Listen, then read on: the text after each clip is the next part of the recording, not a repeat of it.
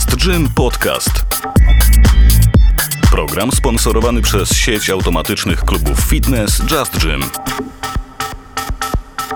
Witam serdecznie w pierwszym odcinku Just Gym Podcast. Ja nazywam się Marek Torłop, a dzisiaj w naszym gymowym studiu Monika Grzelak, czyli trenerka personalna oraz dietetyczka. Witam serdecznie wszystkich. Będziemy, jak łatwo się domyślić, rozmawiać o jedzonku. Czy jedzonko jest ważne? Jest ważne. Niektórzy jedzą, żeby żyć, inni żyją, żeby jeść. Prawda, prawda. No na pewno każdy z nas nieraz słyszał w swoim życiu takie sformułowanie, że jesteś tym, co jesz. Ja na wielu wykładach, na wielu szkoleniach słyszałam, że jesteś tym, co tak naprawdę wchłoniesz, co przyswoisz. Także to jest troszeczkę mi bliższe, ale na pewno warto wiedzieć, że jedzenie ma bardzo duże znaczenie i nie tylko jeżeli chodzi o to, jak wygląda nasze ciało, bo to bardzo mocno kojarzy się z fitnessem i z dietetyką sportową, ale przede wszystkim z tym, jak funkcjonuje nasze ciało. Ja słyszałem na przykład, że jelita są bardzo powiązane w jakiś sposób z, z odpornością, tak, z hormonami na przykład i jelita to są z jedzeniem chyba powiązane, co? Tak, jak najbardziej. Jedzenie ma bardzo duże tutaj znaczenie i chodzi przede wszystkim o to, że możemy jeść albo wartościowe posiłki, w których mamy nie tylko odpowiednią ilość kalorii, makroskładników, białek, węglowodanów, tłuszczów, ale też przede wszystkim mikroskładników, takich jak witaminy i sole mineralne.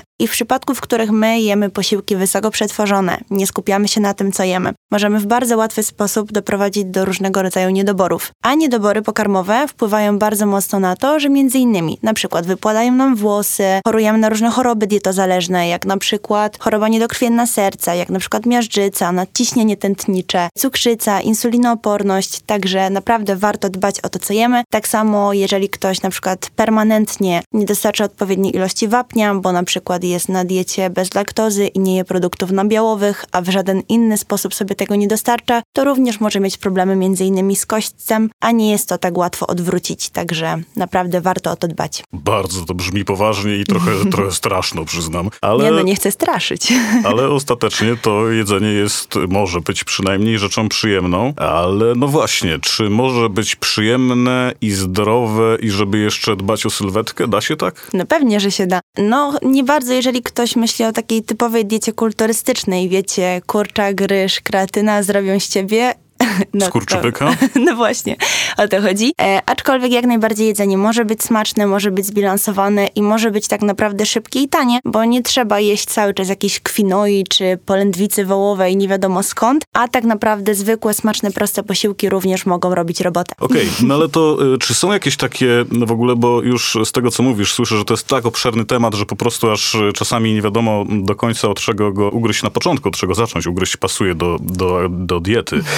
E, ale właśnie, na przykład, czy uniwersalne jest to, ile i kiedy jeść? E, czy to jest dla każdej osoby takie samo? Czy mamy też cele pewnie jakieś, tak? Że jeden chciałby mhm. schudnąć, drugi chciałby przybrać na masie, a jeszcze kto inny zadbać o zdrowie. Czy, czy te pory i ilości jedzenia tutaj są tożsame, czy dla każdego inne? No poruszyłeś bardzo duży temat, bo zarówno na ile, jak i na kiedy można tutaj gadać godzinami, ale jak najbardziej to zawsze trzeba dostosować do stylu życia i do celu i do w ogóle preferencji danej osoby. Bo na pewno każdy z nas słyszał, że trzeba jeść pięć posiłków co trzy godziny, ale to nieprawda. Prawdą jest, że warto jest jeść regularnie, od 3 do 5 godzin. Faktycznie dobrze to wpływa na funkcjonowanie innymi e, naszych jelit, czy na naszej gospodarki cukrowej, ale absolutnie nie musimy jeść jakby, nie wiem, te 5 posiłków co 3 godziny jak w zegarku, to, czy my na przykład będziemy jedli rano, bo też dużo ludzi o to zawsze pyta, czy ja po przebudzeniu muszę jeść śniadanie, no to to też zależy od naszych preferencji, to też zależy od tego, jak wygląda nasz poranek, bo jeżeli ktoś rano nie jest głodny, a wiemy, że na przykład bardzo się spieszy, bo musi, musi zawieźć dzieci e, do przedszkola i nie ma czasu, to ja uważam, że lepiej zamiast jeść w biegu, to zawieźć sobie na spokojnie dzieciaki do przedszkola, wrócić i zjeść spokojnie posiłek, gdy już będziemy głodni. Także te ośrodki głodu i sytości też warto słuchać. A na pytanie, ile jeść, to to bardzo mocno zależy przede wszystkim od naszego celu i stanu zdrowia, bo wiadomo, że jeżeli chcemy budować między innymi masę mięśniową, to musimy jeść więcej niż potrzebujemy, a jeżeli chcemy redukować tkankę tłuszczową, to powinniśmy być na deficycie energetycznym. A propos śniadania, jeszcze powrócę do tematu, utarło dawaj, się dawaj. takie powiedzonko, że śniadanie jest najważniejszym posiłkiem w ciągu dnia. To jest prawda? Mm, nie, niekoniecznie. Wiadomo, że fajnie jest zjeść rano to śniadanie, ale jakby nie ma stricte badań, które by nam mówiły, że to śniadanie musi być zjedzone od rana, także to zależy. Przede wszystkim od tego, jak wygląda czyjś poranek. Okej, okay, ja na śniadanie lubię kawę, więc to jest dla mnie świetna informacja. Znaczy tutaj, jeżeli chodzi o kawę, to też nie ma badań stricte, które by potwierdzały, że kawa źle wpływa na przykład na układ pokarmowy. To bardzo mocno zależy, na szczopita, to bardzo mocno zależy od tego, jak funkcjonuje dany układ pokarmowy, czy ktoś ma jakieś niefajne objawy po spożyciu tej kawy, czy też nie. Ale warto wiedzieć, że jeżeli już wypijesz kawę, to potem odczekaj chociaż godzinę ze śniadaniem, ponieważ kofeina zawarta w kawie między innymi upośledza wchłanianie żelaza, magnezu i wapnia, no czyli wtedy spożyjesz zbilansowany posiłek, a nie przyswoisz tego, co zjadłeś, nie? Good tip. Dobra, dobra tip. rada. Chociaż wielu mi wieszczyło, że jak będę pił kawę od rana na czczo, to umrę na wrzody przed trzydziestką, jestem po, także to nie ma takich badań. udało się przetrwać całkiem dobrze, jak myślę. Okej, okay, to może dalej podążając takimi, takim nurtem tych powszechnych przekonań dotyczących żywienia, no mamy piramidę żywieniową, tak? Ten taki trójkąt, który pokazuje, że warzywka są fajne i często je należy jeść, a mięsiwo to raczej raczej rzadziej. No i pytanie, czy ta piramida jest aktualna, to pierwsze, a drugie takie no może to też jest bardzo pytanie szerokie pewnie, ale co jeszcze czego unikać? Dokładnie mam tu na myśli, jakie produkty byś stanowczo odradziła, a mhm. jakie byś mogła zarekomendować większości ludzi? Okej, okay, to mogę powiedzieć, że moim zdaniem Narodowe Centrum Edukacji Żywieniowej zrobiło naprawdę super robotę i pod koniec 2020 roku, chyba bodajże w październiku, listopadzie, grudniu, jakoś tak, powstało coś takiego jak talerz zdrowia. I to można normalnie sobie pobrać na stronie iRedrzet e, i tam bardzo fajnie pokazuje, jak powinien wyglądać właśnie zdrowy talerz osoby, która chce zadbać o swoje żywienie. Jest to, czego powinniśmy jeść więcej, czego powinniśmy jeść mniej i też fajnie, że nie ma tam w stylu tego ci nie wolno, a to musisz. To jest też bardzo ważne, jeżeli chodzi o takie aspekty psychodietetyczne, ale e, dodatkowo, no jeżeli mamy sobie powiedzieć, co warto jeść, a czego nie warto jeść, to myślę, że przede wszystkim warto skupić się na węglowodanach i tłuszczach oraz białku i pojedźmy sobie może po kolei. To jeżeli chodzi o tłuszcze, to na pewno warto iść w tą stronę diety śródziemnomorskiej, bo od pięciu lat, co roku właśnie w styczniu, na przestrzeni stycznia-lutego, powstaje taki raport US News, e, w którym od pięciu lat dieta śródziemnomorska jest uznawana za najzdrowszą dietę świata i ona bazuje głównie na tłuszczach, między innymi jedno- i wielonienasyconych, czyli właśnie oliwie z oliwek, różnego rodzaju olejach roślinnych. E, przede wszystkim ja w ogóle polecam olej z czarnuszki czy wiesiołka na zimno. To jest bardzo duże bogactwo kwasów tłuszczowych omega-3, również m.in. olej rzepakowy do smażenia, czy olej z awokado też się świetnie nadaje, ale na przykład nie polecam oleju słonecznikowego do smażenia. E, również jeżeli chodzi o tłuszcze, to oczywiście warto bazować na awokado, orzechach, pestkach, nasionach, a jeżeli chodzi o te tłuszcze, które warto faktycznie redukować, to to, co mówią teraz wszystkie zalecenia, jedzmy tyle, ile tylko potrzebujemy, tłuszczów nasyconych, czyli tak zwanych odzwierzęcych, do czego zalicza się m.in. masło, smalec, mięso i tutaj głównie chodzi o mięso i jego przetwory, takie jak parówki, wędliny i wysoko przetworzone właśnie produkty mięsne, czy na przykład też warto dodać, że do nasyconych kwasów tłuszczowych również nale należy chociażby olej kokosowy. No i tłuszcze, których faktycznie warto jeść absolutnie jak najmniej jak się da, czyli tylko i wyłącznie sporadycznie. To są tłuszcze typu trans, czyli utwardzone oleje roślinne i one występują przede wszystkim w wysoko przetworzonej żywności, w margarynach, ale oczywiście nie we wszystkich, ponieważ te miękkie typu Benecol czy Optima Cardio już są tworzone troszeczkę innym procesem technologicznym i one nie zawierają tyle tych tłuszczów typu trans i wtedy mogą być lepszym wyborem od masła. Tłuszcze typu trans mamy również w produktach typu właśnie ciasteczka, herbatniki, ale to musi uwzględnić producent na opakowaniu. Tak samo fast foody i żywność taka mm, smażona na głębokim tłuszczu również może zawierać tłuszcze typu trans. Czyli możemy jeść parówki? Możemy, ale tutaj nie substancja, lecz dawka czyni truciznę. Zachęcałabym, żeby nie jeść tak klasycznie jak w polskim domu. Tam wiecie, dużo parówek, do tego pszenny chleb, masło i tyle. Tylko faktycznie, nie wiem, zjeść dwie, trzy parówki w zależności od potrzeb, do tego pełnoziarniste pieczywo. Może na przykład zamiast masła użyć serek śmietankowy albo humus i do tego dać dużą ilość warzyw, żeby nadać też wartości odżywczych temu posiłkowi. Brzmi to dobrze całkiem, takie parówki z humusem lepiej niż ze smalcem, faktycznie. E, no dobrze, Monika, to omówiliśmy w takim razie tłuszcze. Pozostały nam w takim razie węglowodany i Białka. białeczko. Dokładnie.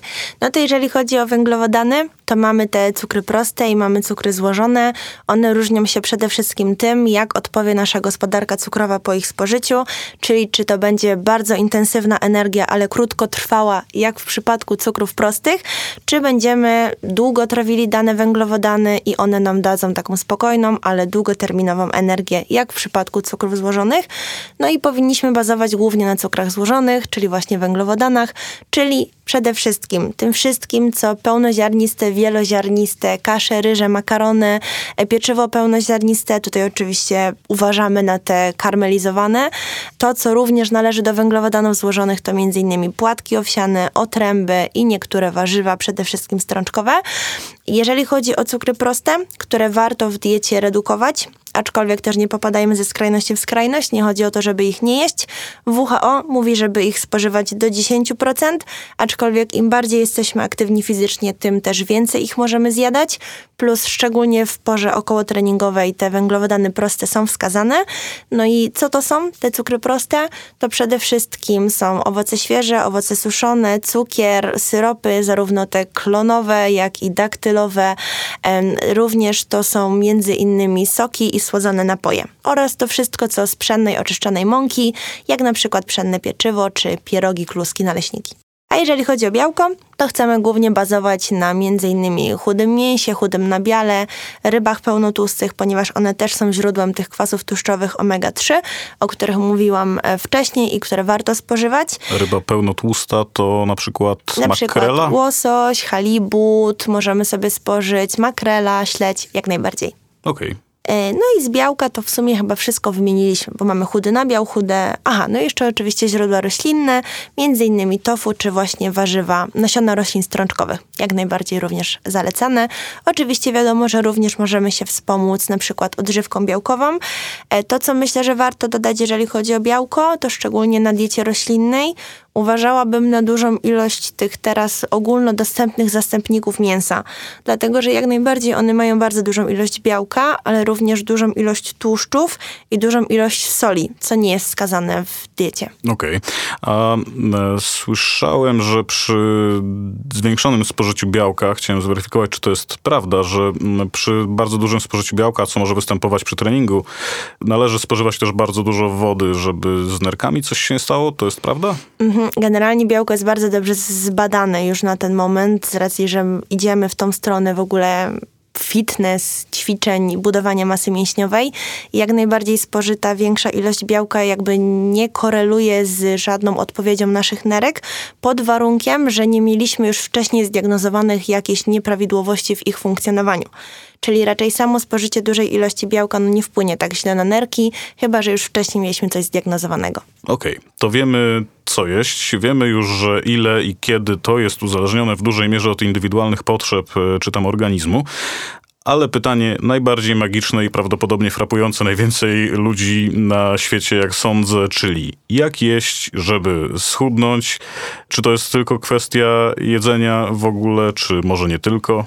No to przede wszystkim to, co jest najważniejsze, no to trzeba być na deficycie kalorycznym. Czyli trzeba wyliczyć swoje zapotrzebowanie energetyczne i jeść mniej niż potrzebujemy, żeby faktycznie dochodziło do redukcji masy ciała. No i ten deficyt kaloryczny możemy uskutecznić w dwa sposoby. A mianowicie możemy albo jeść mniej niż potrzebujemy kalorii, czyli po prostu zmniejszyć ilość spożywanego jedzenia, albo możemy dodać aktywność fizyczną, która nam ten deficyt również zbuduje. Ale to, co warto dodać, to to, co jest celem odchudzania, bo dużo ludzi właśnie myśli, że po prostu redukcja kilogramów. A to tak nie powinno wyglądać. Z racji, że samo odchudzanie w sobie, jego celem powinno być to, żeby ok, zmniejszyć poziom tkanki tłuszczowej, ale uwaga, zwiększyć albo nawet zachować obecny poziom masy mięśniowej. Bo jak my zastosujemy zbyt duży deficyt kaloryczny albo wejdziemy w jakiś reżim dietetyczny, w jakąś dietę bardzo rygorystyczną, typu dieta ketogeniczna, to istnieje bardzo duże ryzyko, że my utracimy nasze mięśnie, które są bardzo cenne i są bardzo energochłonne. A dzięki temu, że my mamy dużą ilość masy mięśniowej, to to też przyspiesza nasz metabolizm. Dlatego o tym warto powiedzieć, że samym celem odchudzania nie powinno być tylko utrata kilogramów. Okej, okay. deficyt kaloryczny, może to być dla niektórych tajemnicze określenie, aczkolwiek wyjaśniłaś to dosyć dobrze, myślę. Mhm. Natomiast pytanie, skąd mam wiedzieć, jakie jest to moje energetyczne zapotrzebowanie i no jak to zrobić, jak to sobie wyliczyć, żeby faktycznie jeść mniej niż y, potrzebuje mój organizm i jak bardzo powinienem zejść względem tego mojego standardowego zapotrzebowania? Generalnie zdrowy deficyt kaloryczny to jest od 10 do 20%, czyli właśnie to, ile my ucinamy kalorii od naszego zapotrzebowania energetycznego i nigdy nie powinniśmy schodzić bardziej niż właśnie te 20%, jeżeli chcemy zdrowo zredukować naszą tkankę tłuszczową. Warto dodać, że przy takim deficycie kalorycznym nasze odchudzanie, nasze tempo odchudzania to około 0,5 do 1% masy ciała tygodniowo co daje w okolicach pół do 1 do 2 kg w skali tygodnia zazwyczaj, czyli około 4 kg miesięcznie, ale to bardzo mocno zależy. Ja generalnie nie jestem zwolenniczką przywiązywania się do wagi i do kilogramów, raczej staram się u podopiecznych skupiać na zupełnie innych aspektach, ale jak sprawdzić, ile my kalorii powinniśmy spożywać?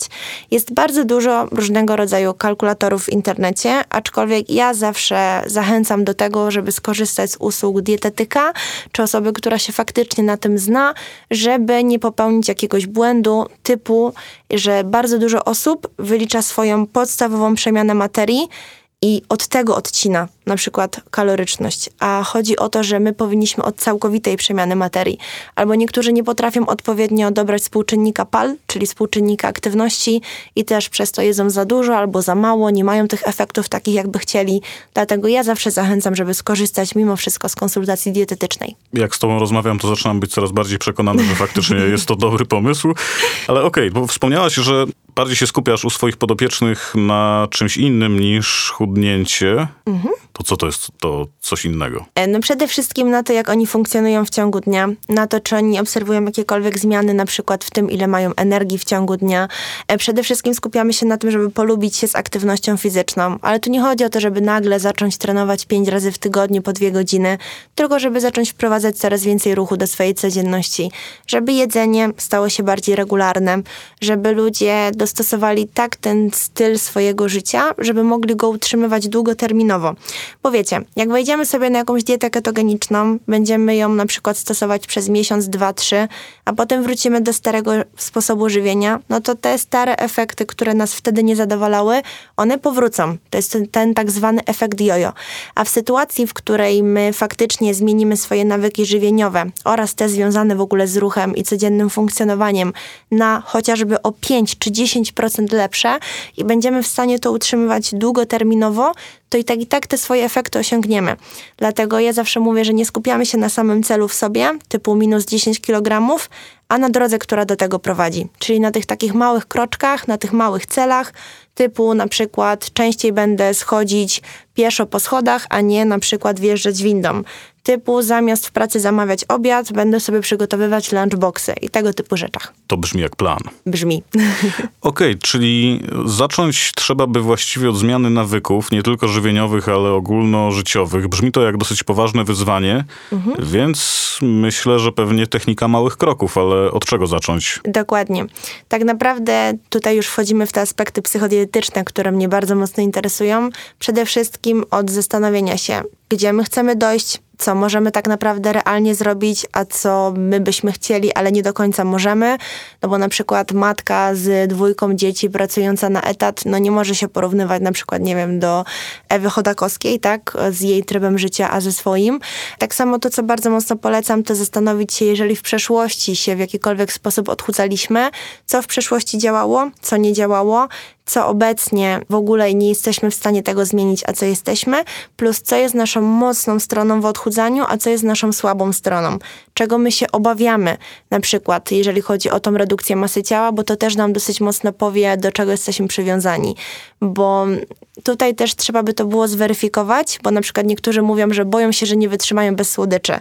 Ale prawdą jest, że w zbilansowanej diecie też mogą być słodycze Tylko tutaj też nie powiem, że chodzi o kostkę czekolady, no bo ja jak zjem kostkę czekolady, to nadal jestem smutna i zjadałabym dalej. Ale chodzi o to, żeby nagle nie rzucać się na całą czekoladę, ale na przykład umieć zjeść rządek czy dwa. Że raz na czas po prostu, nie wiem, zamiast drugiego śniadania typu bułka z czymś tam, wezmę sobie drożdżówkę, ale do tej drożdżówki na przykład kupię sobie skyra, czyli wysokobiałkowy jogurt i na przykład zjem jeszcze garstkę świeżych owoców, czy na przykład garstkę orzechów, dzięki czemu mam fajny, zbilansowany posiłek, zjadłam sobie drożdżówkę i nie mam tak, że cały czas o niej myślę i się czegoś obawiam. Także to jest bardzo ważne w odchudzaniu. Zastanowienie się nad mocnymi, słabymi stronami, zastanowienie się nad tym, czego się obawiamy, jaką mamy przeszłość dietetyczną, co wiemy, że jest realne do zastosowania, a co nie. No i metoda małych kroczków. No właśnie, też chciałem pytać, już mi chyba to wyjaśniłaś trochę tą drożdżówką. Co kiedy nie daję rady sobie z moim bilansem kalorycznym, tam Mhm. e, makro, czy jak to się nazywa. Uciąłem sobie, jest godzina 20, 21, nadal jestem głodny, a wykorzystałem mój limit. Co wtedy? To ja nie polecam podejścia 100% albo nic. Czyli takiego, że jeżeli już na przykład wiem, że mam, powiedzmy w cudzysłowie, zawalić dietę, to nagle się rzucam na wszystko to, co w lodówce, na co mam ochotę i nie wiadomo, co tam jeszcze. Ja polecam, żeby po prostu tego dnia spróbować się najeść, nie wiem, zjeść jedną kanapkę więcej, dojeść sobie serek wiejski, zrobić sobie jakąś sałatkę, czy na przykład, nie wiem, tosty, jeżeli mamy ochotę, jajecznicę, cokolwiek, ale faktycznie się najeść, jeżeli już wiemy, że to jest ten dzień, w którym chcemy, ale, bo wiecie, nie chodzi o takie podejście 100% albo nic, że ja już zawalę dietę i nie ma to żadnego znaczenia, ale no dobra, tego dnia może nie będę na deficycie kalorycznym, ale następnego dnia też jest dzień. I nie polecam następnego dnia się karać i ucinać jakoś mocno kaloryczność, bo to nie ma większego sensu, bo wtedy wchodzimy w taką pętlę, w takie myślenie, że coś jest dobre, coś jest złe, coś powinniśmy, tylko faktycznie pójść w tą stronę, że dobra, no wczoraj nie wygenerowałem deficytu kalorycznego, ale dzisiaj jest dzień, wczoraj, że tak powiem, stanąłem, ale dzisiaj idę dalej, nie? Czyli nie, że się cofam, a po prostu następnego dnia też jest dzień. Padłeś, powstań. Dokładnie. Życie jest pełne doznań.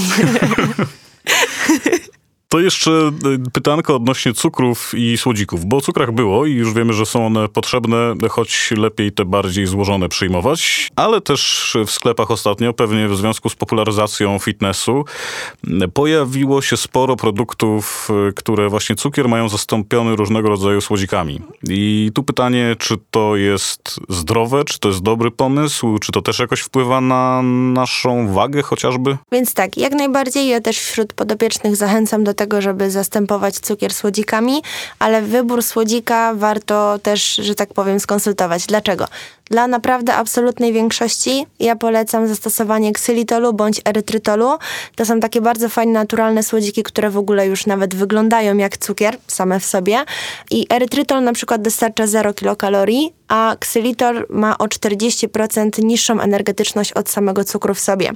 Tylko na co należy zwrócić uwagę? Na to, że ksylitol, erytrytol, na końcu ma końcówkę ol, to jest tak zwany poliol, czyli taki cukier, który może fermentować w naszych jelitach. Jeżeli ktoś ma jakieś problemy na przykład z zespołem jelita drażliwego, to może niestety po nich mieć jakieś wzdęcia, czy na przykład może go przeczyścić w dużych ilościach. Dlatego tutaj warto uważać i nie stosować tego zbyt dużo. No ale jak ktoś na przykład stosuje łyżeczkę do kawy czy do herbaty, to większego problemu być nie powinno. Chodzi bardziej o takie ciasta, gdzie nie wiem, dajemy dwie szklanki tego ksylitolu, to wtedy faktycznie warto uważać. Dobre są również słodziki na stewi, ale tutaj chodzi o preferencje smakowe, bo niestety stevia dosyć mocno zmienia smak, dlatego nie każdemu ona odpowiada. No mamy również słodziki, między innymi aspartam, o którym jest tak głośno i który jest takim dosyć burzliwym tematem. Że rakotwórczy podobno. Tak, w ogóle dużo jest takich różnych teorii, ale faktem jest to, że jest to najbardziej przebadany słodzik, jaki w ogóle istnieje i jak ktoś używa, nie wiem, tabletkę, dwie, trzy, cztery na dobę, absolutnie nie ma się czego obawiać. Także można go również stosować. Czyli słodziki git. Tak, jak najbardziej. To fajnie. W takim razie zachęcamy do zmiany cukru e, na słodzik. Może właśnie przyszło mi do głowy teraz to pytanie. W sumie też niektórzy twierdzą, albo takie przekonanie jakieś panuje, że cukier biały, a brązowy to jest jakaś różnica. Jest w ogóle jakaś różnica poza Nie. kolorem i smakiem? Czy... Poza kolorem nie. Naprawdę, autentycznie nie warto. to Nie myślę, że to warto, żeby wybrzmiało. Jedząc cukier brązowy, nie robimy wcale dla siebie nic lepszego. E, No i okej, jeszcze pytanko takie już powoli kończące naszą e, rozmowę.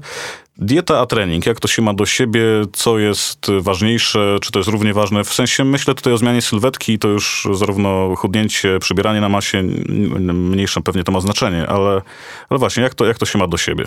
No to jeżeli patrzymy sobie na cel kształtowania sylwetki, a za chwilę jeszcze powiemy o samym stanie zdrowia, to jak najbardziej warto jest wdrożyć obydwie tutaj formy. No nie ma czegoś takiego, że coś jest ważne na przykład w 70, a coś jest wa- ważne w 30%. To jakoś tam wzajemnie ze sobą koreluje, ale nigdy nie wiemy w jakim procencie.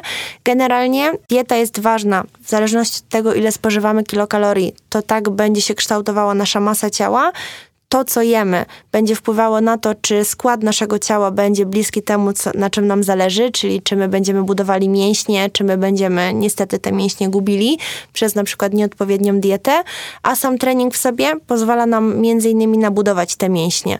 A te mięśnie, tak już sobie mówiliśmy wcześniej, pozwalają nam między innymi na przyspieszenie metabolizmu, a nie tylko na estetyczną sylwetkę, także warto to robić. No i pod kątem zdrowotnościowym mamy zalecenia chociażby WHO, że każde dziecko powinno innymi 60 minut dziennie ćwiczyć, że osoby dorosłe od 150 do 300 minut w skali tygodnia powinny poświęcać na aktywność fizyczną, dlatego warto, warto to robić. 60 minut dziennie dziecko? Tak, jak najbardziej. Sporo, ale dzieci się ruszają same z siebie Tak, chyba. i tutaj także- też nie chodzi tylko o taki trening typu, nie wiem, zawoży dziecko na judo, ale też o to, żeby, nie wiem, biegało po podwórku, żeby szło pieszo do szkoły, a nie jechało autobusem. Takie codzienne rzeczy również mają znaczenie. Czyli trzeba dać dziecku żyć i nie tylko przy komputerze. Dokładnie, fajnie by było. W porządku, wiemy już y, całkiem sporo, myślę, aczkolwiek temat jest rzeką, więc być może jeszcze będzie nam dane się spotkać w dżymowym studiu. Natomiast, y, jeżeli chcielibyśmy zacząć swoją przygodę, możemy się zgłosić prawdopodobnie do ciebie jako dietetyczki i trenerki personalnej. Y, W takim razie, gdzie można cię spotkać, zobaczyć, jak się z tobą skontaktować y, i tak dalej? Także jeżeli chodzi o same social media, to można mnie znaleźć m.in. na Instagramie i na Facebooku pod nazwą BeFit Just Eat by Monika Grzelak. Prowadzę również TikToka, prowadzę podcast i jest to Monika Grzelak Podcast. A jeżeli chodzi o współpracę, to zachęcam do odwiedzenia mojego bloga grzelakmonika.pl gdzie znajdziemy wszelkiego rodzaju informacje oraz formularz kontaktowy. A także, jeżeli chodzi o treningi personalne, to zachęcam do odwiedzenia Just Gym przy ulicy Bułgarskiej w Poznaniu. Tam możecie mnie znaleźć. Świetnie. To jeszcze, Monika, ja ci oczywiście bardzo dziękuję za to, że nas odwiedziłaś i zalałaś nas pozytywną falą ogromnej dietetycznej wiedzy. Mam nadzieję, że to się co po niektórym słuchaczom przyda. Ale chciałbym jeszcze cię poprosić e, na koniec o takie słowa ku pokrzepieniu serc, można by rzec, tak, które jakoś pozwolą nam ruszyć na tę zdrową i szczupłą albo właśnie masową drogę dietetyczno-treningową. Myślę, że mogę tutaj powiedzieć swój ulubiony cytat Alberta Einsteina, czyli szaleństwem jest zrobić wciąż to samo i oczekiwać innych rezultatów. Czyli jeżeli wciąż dotychczas próbowaliśmy się na przykład odchudzać przez jakieś restrykcje i widzimy, że to nie działa długoterminowo, no to zmieńmy sposób, bo to nie oznacza, że to z nami jest coś nie tak. Tak samo, jeżeli dotychczas każda nasza przygoda ze sportem, z aktywnością fizyczną kończyła się na tym, że my ją po prostu rzucaliśmy w kąt i się zniechęcaliśmy, to zastanówmy się dlaczego.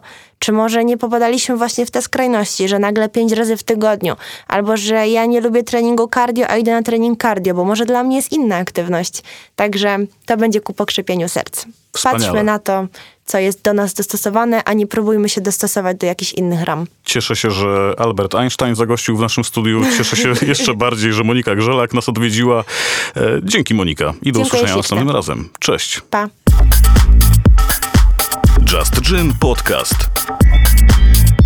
Program sponsorowany przez sieć automatycznych klubów fitness Just Gym.